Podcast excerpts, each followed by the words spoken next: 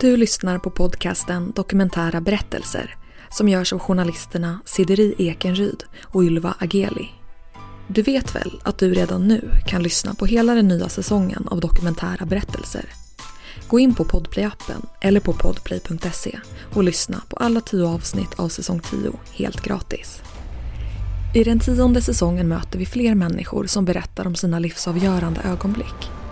Det handlar bland annat om mörka minnen från Förintelsen, om att leva med vetskapen om att en nära släkting varit medlem i SS-partiet, om att ligga i koma, finna kärleken på TV och såklart mycket, mycket mer. Så gå in på Podplay och lyssna på hela säsongen redan idag, helt gratis.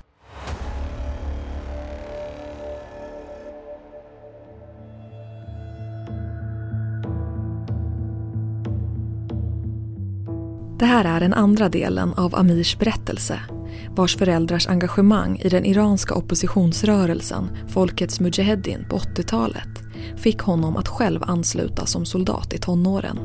Han visste ju, alltså problemet är att det fanns ju ingen väg ut ur Mujahedin. Eh, det var ju så det var och eh, ville man lämna dem så skulle Mujahedin skicka dig till Irakiskt fängelse. I avsnittet pratar vi med Lokesha Haber, teknisk rådgivare på Rädda Barnen i Sverige om hur situationen för barnsoldater ser ut världen över. There are many um, reasons why a child end up being recruited by armed forces and groups.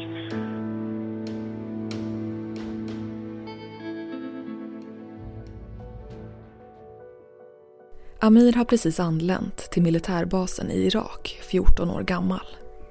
Han har sett framför sig att han ska vara hjälten i en actionfilm på TV. Men vardagen är annorlunda. Och då kommer jag ihåg att min chef sa så här, Amir, nu ska du liksom ta, ta och tvätta den här bilen. Så vi fick en, en, en, en stor liksom hink med eh, liksom, eh, rengöringsmedel och liksom svamp. Och jag bara tänkte, okej, okay, man kanske måste göra sånt i en militärbas också. Så fick jag göra det. Och sen efter ett tag så sa de så här, ja ah, men ni måste gå och klippa den här trädgården, träden också, okej. Okay. Att verkligheten skiljer sig från det som sålts in från början är inte helt ovanligt. Vi hör Lokesha Haber på Rädda Barnen. Children could be recruited, you know, they could be presented with uh, very strong ideologies and very bright ideas. But then the reality is always different where they would be all of these uh, uh, issues related to uh, yeah, service, servicing uh, the soldiers and uh, uh, sexual abuse against even boys in that uh, situation is quite uh, is quite the case, and uh, and that's why the importance of um, doing the prevention and the awareness raising work for people to understand what reality is uh, and how situation is in those in those groups.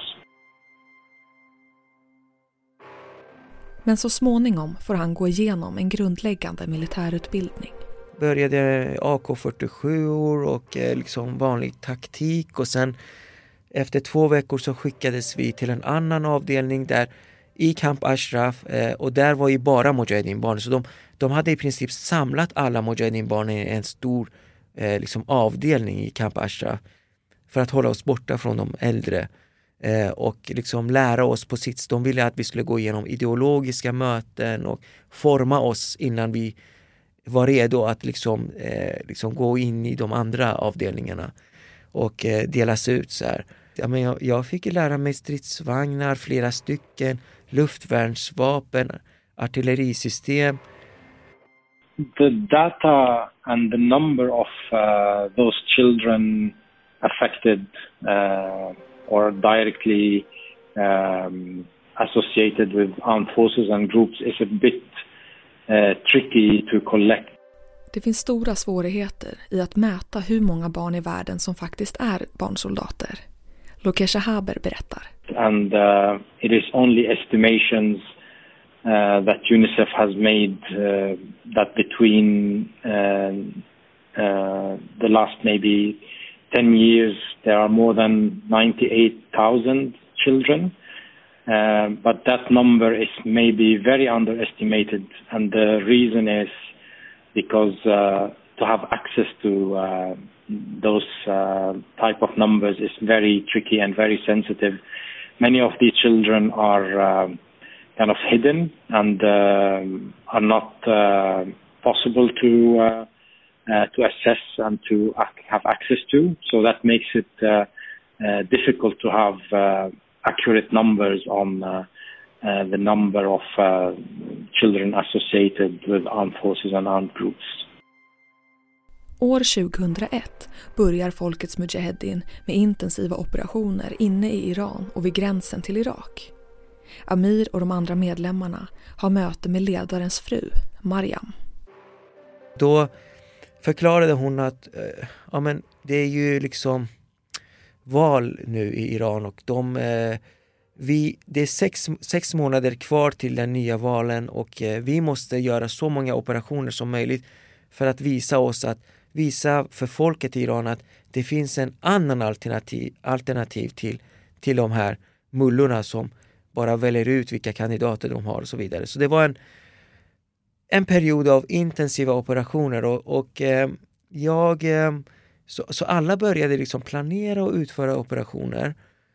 Och jag eh, var ju som alla andra i grupper eh, som, som utförde operation men de ville inte gärna skicka in mig i Iran för att jag hade ju aldrig varit i Iran så inne i städerna så skulle vi lätt bli påkomna för att jag hade, de ville att vi skulle liksom ha bott där och liksom inte skulle bli avslöjade av regimen om vi liksom åkte ner. Men, men någonstans där så sa jag till min, min chef så här att jag vill gärna vara del av operationen. Då var jag 17 år. Och då, då fick jag vara med i en sån här äh, stödgrupp om man säger. Och då stödgruppen, de åker in med, med själva operationsgruppen och eh, planterar en sån här granatkastare och ifall de får problem när de ska komma tillbaka från sin operation så skulle vi kunna liksom, skjuta mot militärbaserna i Iran och eh, liksom, eh, underlätta för dem att komma tillbaka. Så då, då fick jag faktiskt vara med i en, eh, i en operation. Enligt Lokesh Haber finns det många olika orsaker till varför ett barn hamnar i en beväpnad styrka. So it could be starting from the forceful recruitment uh, where children could be abducted from their communities uh, to forcefully join uh, um, armed groups uh, and armed forces. Um, and then you have um, the voluntary way where children for different reasons might choose to um, to join these groups either um, lack of resources in their communities where they don't have access to livelihoods and then they are pushed to join a non-faction where they might be fed and protected um, uh, and sometimes even there are instances of uh, uh, political uh, conviction that uh, they wanted to join a certain political cause, so they voluntarily join those uh, armed groups as well. Could depend from one country to another, but it could be both voluntary and forceful. Det är svårt att bedöma hur ofta barn går med av fri vilja. Men oavsett om det är frivilligt eller inte från barnets sida är användandet av barnsoldater emot de mänskliga rättigheterna. I've been in communities in, uh, for example, Democratic Republic of Congo, where you have those uh, local protection militias in the communities, and then children automatically join, although they know that uh, it is against uh, uh, the humanitarian law that to make children, even if voluntary, to um, to participate in any activities those groups might have. So um, um, it's a bit difficult to say. Uh, there are countries also where there have been massive uh, uh, abductions of children and uh, forceful recruitment. So it depends on each country and it depends on the dynamic of the conflict that is happening. But both um, uh, ways are uh, considered uh, against the different uh, human rights mechanisms and the Child Rights Convention. So, regardless if children are uh, um, uh, voluntary or forcefully joining those groups, it is practically against the law.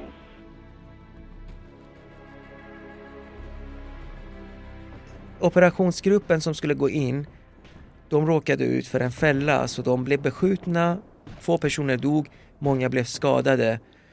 Så de, på vägen tillbaka när de skulle, för, för vi utförde operationer bara på nattetid när det var mörkt, för vi hade en fördel. Men när de skulle komma tillbaka så fick de problem, de fick ju bära de här döda och skadade. Så det blev, det blev morgon och eh, då kunde vi, vi som var stödgruppen, vi kunde se den här stora eh, Eh, gränsbasen i Iran. Eh, och då fick vi ju skjuta mot den.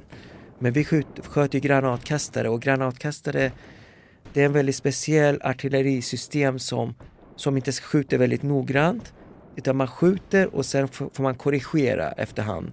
Så man korrigerar i avstånd och eh, liksom, eh, liksom på eh, bredden hur, utifrån var den granaten landar. Så jag kommer ihåg att det blev så kaotiskt att vi egentligen, ingen av våra granater eh, liksom eh, träffade målet. Och, men vi, vi uppfyllde vår mål och det var ju det att vi skulle liksom eh, uppehålla dem så att de inte skulle skjuta mot våra styrkor så att de kunde ta sig tillbaka. Yeah, uh, I mean that's the um, uh, one of the main impacts that um, uh, children might have, uh, the psychosocial well-being and uh, um, regardless of how much they are involved, it's a very unnatural and traumatic uh, situation a child could be left with. Um, but also, it's important to understand that not all the children that are associated, and that's why we use the term associated and not child soldiers, because people would think that all of these children will be carrying weapons and fighting on the front line, but it's not the reality actually. There are many of them that are fighting and carrying weapons, but many are involved in different tasks. Um, for example, uh, uh, could be spies, could be carrying weapons, could be cooking, but also um, what is also um, rarely uh, acknowledged uh, is how it impacts uh, girls, for example, because uh, they could be uh, cases, of course, of uh, uh, gender-based violence and sexual violence. so girls could be forced to marry a warlord or any other men in those armed groups and forces. So the psychological impact is definitely uh, long lasting and uh, uh, it's one of the things that needs to be considered whenever we do uh, programming, uh, demobilization programming with those children. We ensure that there's a large psychosocial uh, component for the programming, um, uh, which is yeah uh, kind of key, and to make sure that a child could go back to a normal situation would would require long-lasting interventions where psychological and psychosocial support is uh, one key aspect of the program. Ett poddtips från Podplay. I fallen jag aldrig glömmer djupdyker Hasse Aro i arbetet bakom några av Sveriges mest uppseendeväckande brottsutredningar går vi in med hemlig telefonavlyssning och, och då upplever vi att vi får en total förändring av hans beteende. Vad är det som händer nu? Vem är det som läcker? Och så säger han att jag är kriminell, jag har varit kriminell i hela mitt liv men att mörda ett barn, där går min gräns. Nya säsongen av Fallen jag aldrig glömmer på Podplay. Operationen som Amir är med i blir både hans första och hans sista.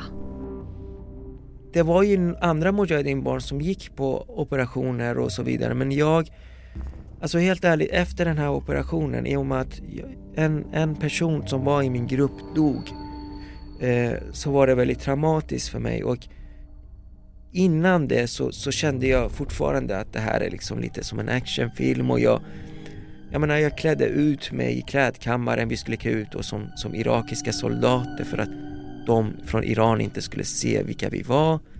Jag eh, kommer ihåg att jag klädde ut mig i en kamouflagejacka och tog, tog på mig en sån här, eh, ja, en sån här mössa, militärmössa som kommandosoldater har. Och jag tyckte att det var väldigt coolt men, men eh, när jag faktiskt fick se eh, liksom på nära håll att en person som jag faktiskt liksom hade en nära relation till och eh, som jag faktiskt hade hamnat i lite konflikt med innan, innan operationen och han försökte göra fred med mig. Men jag, jag, liksom, jag, jag gjorde inte det. Jag liksom bara, nej, jag, jag pallar inte med dig. Han försökte faktiskt stoppa in ett tuggummi i min, i min ficka, kommer jag ihåg. Shahram hette han. Och jag stötte bort hans hand. Och, och, och han gick på operationen och han, han blev ju liksom dödad. Fick flera skott eh, i magen och levern och fick inre blödningar. Så de, de bar ju tillbaka honom. Och, och, och sen dess bara fick jag liksom, det, det, jag, det vände i mitt huvud. Jag bara, nej jag vill inte vara delaktig i det här längre. Det här är brutalt och jag kunde bara, jag gick tillbaka till vår sovsal och såg alltså hans säng som stod tomt. Och jag kunde inte fatta liksom att han är borta. Och jag gick in i en djup depression kan man säga då för att min verklighet liksom rasade. Jag hatade vapen efter det. Jag kommer ihåg att jag ville bara kasta min AK47 och bara stampa på den. Jag var så arg. Och dagen efter operationen så skulle vi, för vi var i en gränsbas då, då skulle vi åka tillbaka till huvudbasen Camp Ashraf och begrava Shahram. Och jag kommer ihåg i lastbilen då så sa jag till, det var mörkt, vi åkte tidigt på morgonen. Och jag sa till en, en eh, gruppmedlem som jag hade förtroende för som hette Mahmoud. Jag sa Mahmoud, jag, jag vill inte vara här längre. Och han sa, Amir hur kommer det sig? Jag bara, jag vill inte det, jag vill inte. Och jag bara upplever, jag vill inte vara här längre. Och han, han visste ju, det, alltså problemet är att det fanns ju ingen väg ut ur Mujahedin. Eh, det var ju så det var och eh, ville man lämna dem så skulle Mujahedin skicka dig till Irakis fängelse. Du skulle vara där i sex år och sen skulle du liksom skickas till Iran som ett straff. Och jag har aldrig varit i Iran och Iran, vad de skulle göra med dig när du hade varit i en motståndsrörelse som Mujahedin, det, det vet ju bara Gud. Amirs tid på militärbasen i Irak är alltså inte direkt kopplad till faktiska strider. Han arbetar snarare med underhåll och stöd. Vi undrar vilka olika roller barn kan ha när de är anslutna till väpnade styrkor. Lokesha Haber på Rädda Barnen igen. So as I mentioned, there are different uh, types of tasks that children normally do. They might be involved directly in uh, in uh, military action, they will be as well, uh, you know, doing different tasks, uh, and they will be uh, considered, you know, sometimes in many groups. children were considered as fearless fighters because you know they have they are trained in a way to be um, less fearless and uh, to a way that even adults are not able to attain. So, in many situations, they are sent ahead of uh, um, the other uh, uh adults, for example. Uh, so that is one scenario that uh, has been, yeah, seen in many contexts like Sierra Leone and Liberia. That many stories have come out, out of, of those countries. But then you have children on checkpoints, manning checkpoints, so in direct uh, contact with civilians sometimes. Um, and then, of course, not to forget the um, effect uh, uh, on girls and uh, the sexual abuse that they are, and the other you know, forced marriage related stuff. So um, it could be different for boys and girls and more acute for girls, and which creates also a problematic uh, during uh, demobilization where uh, most likely girls will be um, uh, hidden and uh, not uh, presented to demobilization because they are considered as wives or concubines of uh, commanders and uh, soldiers, etc. So that's create a um, more complexity and uh, difficulty in identifying those girls in comparison with uh, uh, with the boys. Så det, det var uteslutet för mig. Jag, jag hade ju för länge sedan velat lämna Mujahedin. Men jag hade ju ingen chans. Ingen hade chans. Så Mahmoud sa så här, Amir du måste stå ut, du kan, du måste stå ut.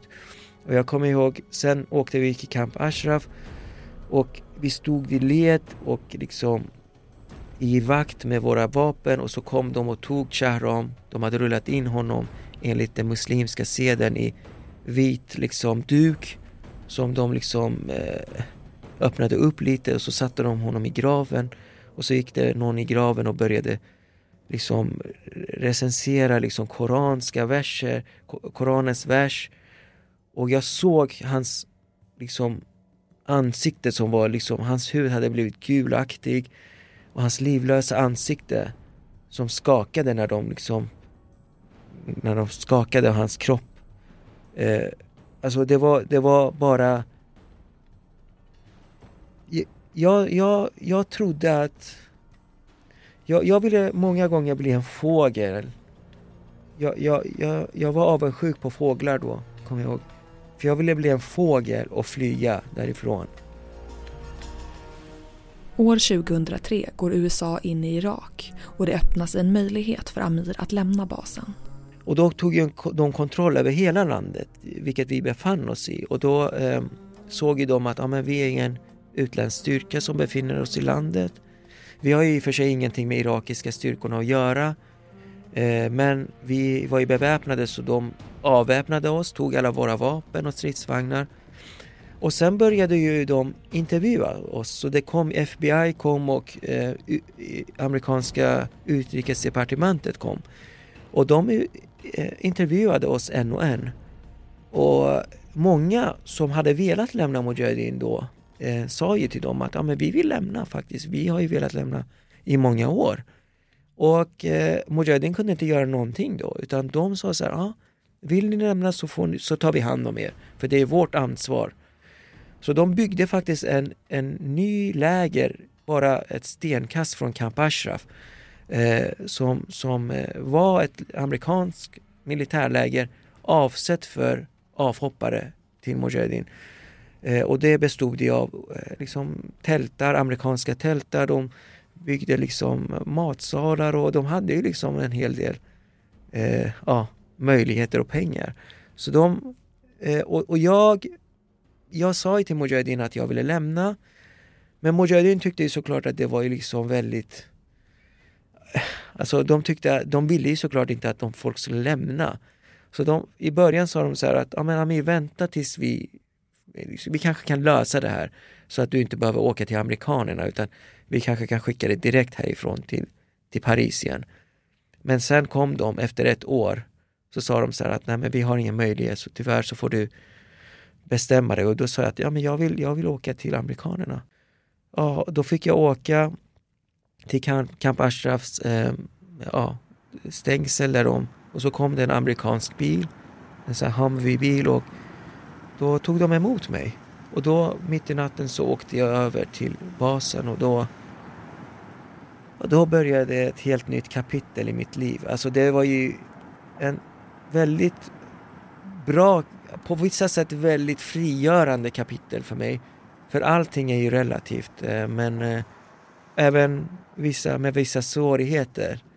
Eh, de friheterna jag hade hos amerikanerna fanns ju inte en enda droppe av i Mujahedin. Så jag eh, uppskattade ju allt där. Så pass mycket så att jag sa så här till dem att om för syftet för, för att vara där var ju att vi skulle, de skulle kunna hitta en lösning, att vi skulle kunna åka till en tredje land. Alltså inte Irak, inte Iran, utan till ett annat land. Eh, och jag sa så här att om jag får möjligheten att åka redan imorgon så vill jag gärna vara här flera månader. För att jag känner att jag, jag trivs hos er. Det amerikanska lägret Amir hamnar i är uppdelat i olika block. Han hamnar i block 6 och där ska han möta västerländska värderingar för första gången på flera år. I hela lägret så fanns det redan 600 avhoppare. Så i den här block 6 så var det 150 personer, medelålder liksom 25 år. De flesta unga iranier som hade kommit till Mujahedin eh, av, eh, av misstag eller så. Och så hade de varit där i ett år kanske högst. Så då möts jag av alla de här ungdomarna som kommer och välkomnar mig. Och så får jag komma in i en av tälten. De säger så ah, men då fick vi madrasser och liksom schampo och lite så här hygienartiklar. Så kom jag in i en tält och, och då såg jag, det första jag möttes av att oj, det är liksom, de har ju så här eh, såna veckotidningar, amerikanska veckotidningar där ungdomarna hade rivit ut så här eh, bilder på lättklädda kvinnor. Jag menar, det var inga, det var inga liksom nakentidningar men ändå liksom vanlig reklam med liksom hudkrämer, det fanns liksom kvinnor i bh. Så hade de satt upp de här bilderna på tält, inneväggarna i tälten. Och för mig var det som en chock för jag hade inte ens sett något sånt i många år. Och jag bara oj vilken, vilken stor frihet de har och tänk att ingen säger något till dem. Och en annan förbjuden grej var att de satt och spelade kortspel för det var ju, det var ju förbjudet i Mujahedin. Det var ju liksom eh, så tabu. Eh, och eh, de hade ju samlat ihop allting. Eh, de hade, det fanns inga kortspel. Och en tredje sak var att de lyssnade på såna här persiska låtar som var helt förbjudna. Så här, jag älskar dig och såna här att, du vet, kärlekssånger. Och allting vi hade hört i Mujahedin var ju liksom stränga, strikta kampsånger. Vi ska befria med blod och svett och liksom till vår sista andetag och allt det här. Som min pappa för den delen hade skrivit. Men när han var i Mujahedin. Men, men allt det här var som en chock för mig.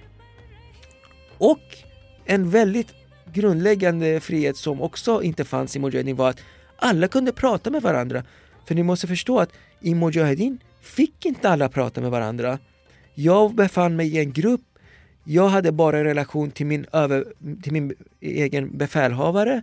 Om jag gick till en annan gruppmedlem och pratade, då, då skulle de säga, men vad har ni att prata om? Då sa de så här, nej, ni pratar om förbjudna saker kanske. Ni får prata om det som sker inom organisationen. I lägret börjar Amir jobba som tolk vid lägrets tandläkarmottagning eftersom han, jämfört med många andra, kan prata engelska. Han får betalt, en dollar i timmen. Och en dag möter han en tandläkare, överste Jones. Han kommer ju säkert liksom vara jättesträng och han kommer säkert eh, sparka mig eh, som tolk om jag inte sköter mig. Men det första han gjorde var att han la sina armar på mina axlar bakifrån och sa Amir, I'm very proud to be working with you. Och de tänkte så, oj, vad, vad, hur kommer det sig? Och, och sen såg jag att han var väldigt jordnära person. Han gick ner på knäna och rengjorde hela liksom, golvet i kliniken själv. Och, och liksom, han var en, en väldigt speciell person och jag fick väldigt nära relation med honom. Och han sa till sin tandsköter, tandsköterska att Amen, du, jag vill att du, du, liksom, du behöver inte heller jobba. Jag vill att Amir ska jobba och han ska lära sig. Så jag fick faktiskt jobba med honom eh, i egenskap av tandsköterska. Så eh, jag lärde mig allt och liksom, vi hade jättekul ihop. Vi spelade musik, skojade. När vi jobbade ihop så märkte han att, han var, eh, att jag var väldigt så här, nedstämd. Så han la sin hand på, min, på mitt ben och sa så här, Amir, lyssna här, vi kom, jag kommer se till att du kommer ut härifrån innan jag åker. Om det krävs så adopterar jag dig. Jag åker till Minnesota där jag bor och jag adopterar dig. Jag vet inte om det var möjligt men alltså så här, så, så han sa så här, du får, du får inte använda internet av majoren av sä säkerhetsskäl såklart, men jag är en överste och du får använda det. Och om det händer någonting så är det jag som står till svars. För att jag är över honom. Och i, i armén så är det ju så att det är ju bara liksom rank som gäller. Till Frankrike och Paris är Amir inte välkommen. Så han mejlar den svenska ambassaden i Irak som kan se att Amir har fått uppehållstillstånd i landet när han kom som flykting 1991. Han får hjälp att ta sig tillbaka till Sverige.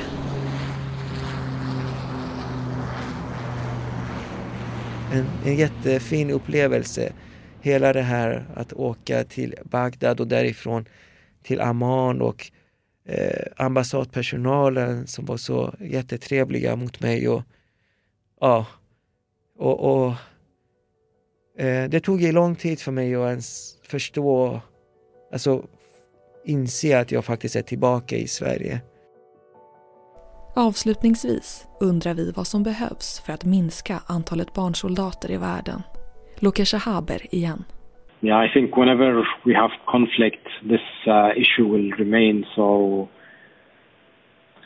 yeah, respecting those human rights mechanisms, but also uh, ensuring conflicts are uh, resolved uh, uh, with uh, and recognizing how children are affected in armed conflict. That would definitely help people to understand that yes, there are conflicts, but the effect on children is much more uh, acute and uh, severe than uh, most of the people think.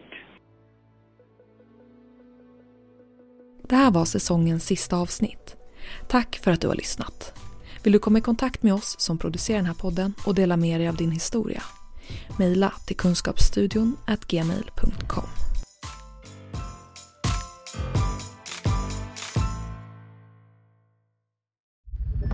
Podplay, en del av Power Media. Ett poddtips från Podplay. I podden Något Kaiko garanterar östgötarna Brutti och jag, Davva, dig en stor dos skratt. Där följer jag pladask för köttätandet igen. Man är lite som en jävla vampyr. Man har fått lite blodsmak och då måste man ha mer. Udda spaningar, fängslande anekdoter och en och annan arg rant. Jag måste ha mitt kaffe på morgonen för annars är jag ingen trevlig människa. Då är du ingen trevlig människa, punkt. Något Kaiko, hör du på Podplay. Därför är gardinerna.